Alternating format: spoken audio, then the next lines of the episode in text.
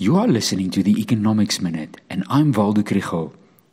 In macroeconomics, there are three important identities that characterize the economy in equilibrium.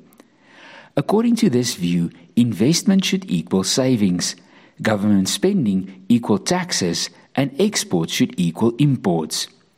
With this starting point, we can learn a lot about what will happen to interest rates and the exchange rate. This episode is supported by Jenwil Financial Advisory Service and the NWU Business School. In practice, there are three gaps. If we want to invest more than we save, the gap can be filled by a budget surplus or a balance of payments surplus. But government spending is mostly more than taxes. In other words, there's a budget deficit that is financed with public debt.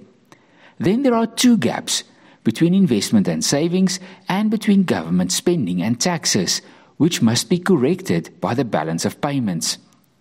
South Africa has managed to export more than we import in the last few years, but that surplus is under pressure for various reasons. Load shedding and transport bottlenecks increase costs and hurt the competitiveness of exports. Along with this, the prices of our commodity exports are now falling, and this reduces export earnings. In the foreseeable future, there is the possibility that South Africa might no longer be part of the AGOA agreement and that the European Union will levy a carbon tax on our export products.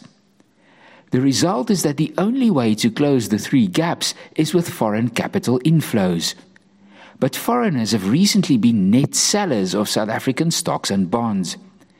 Our investment conferences are also not always in line with our foreign policy.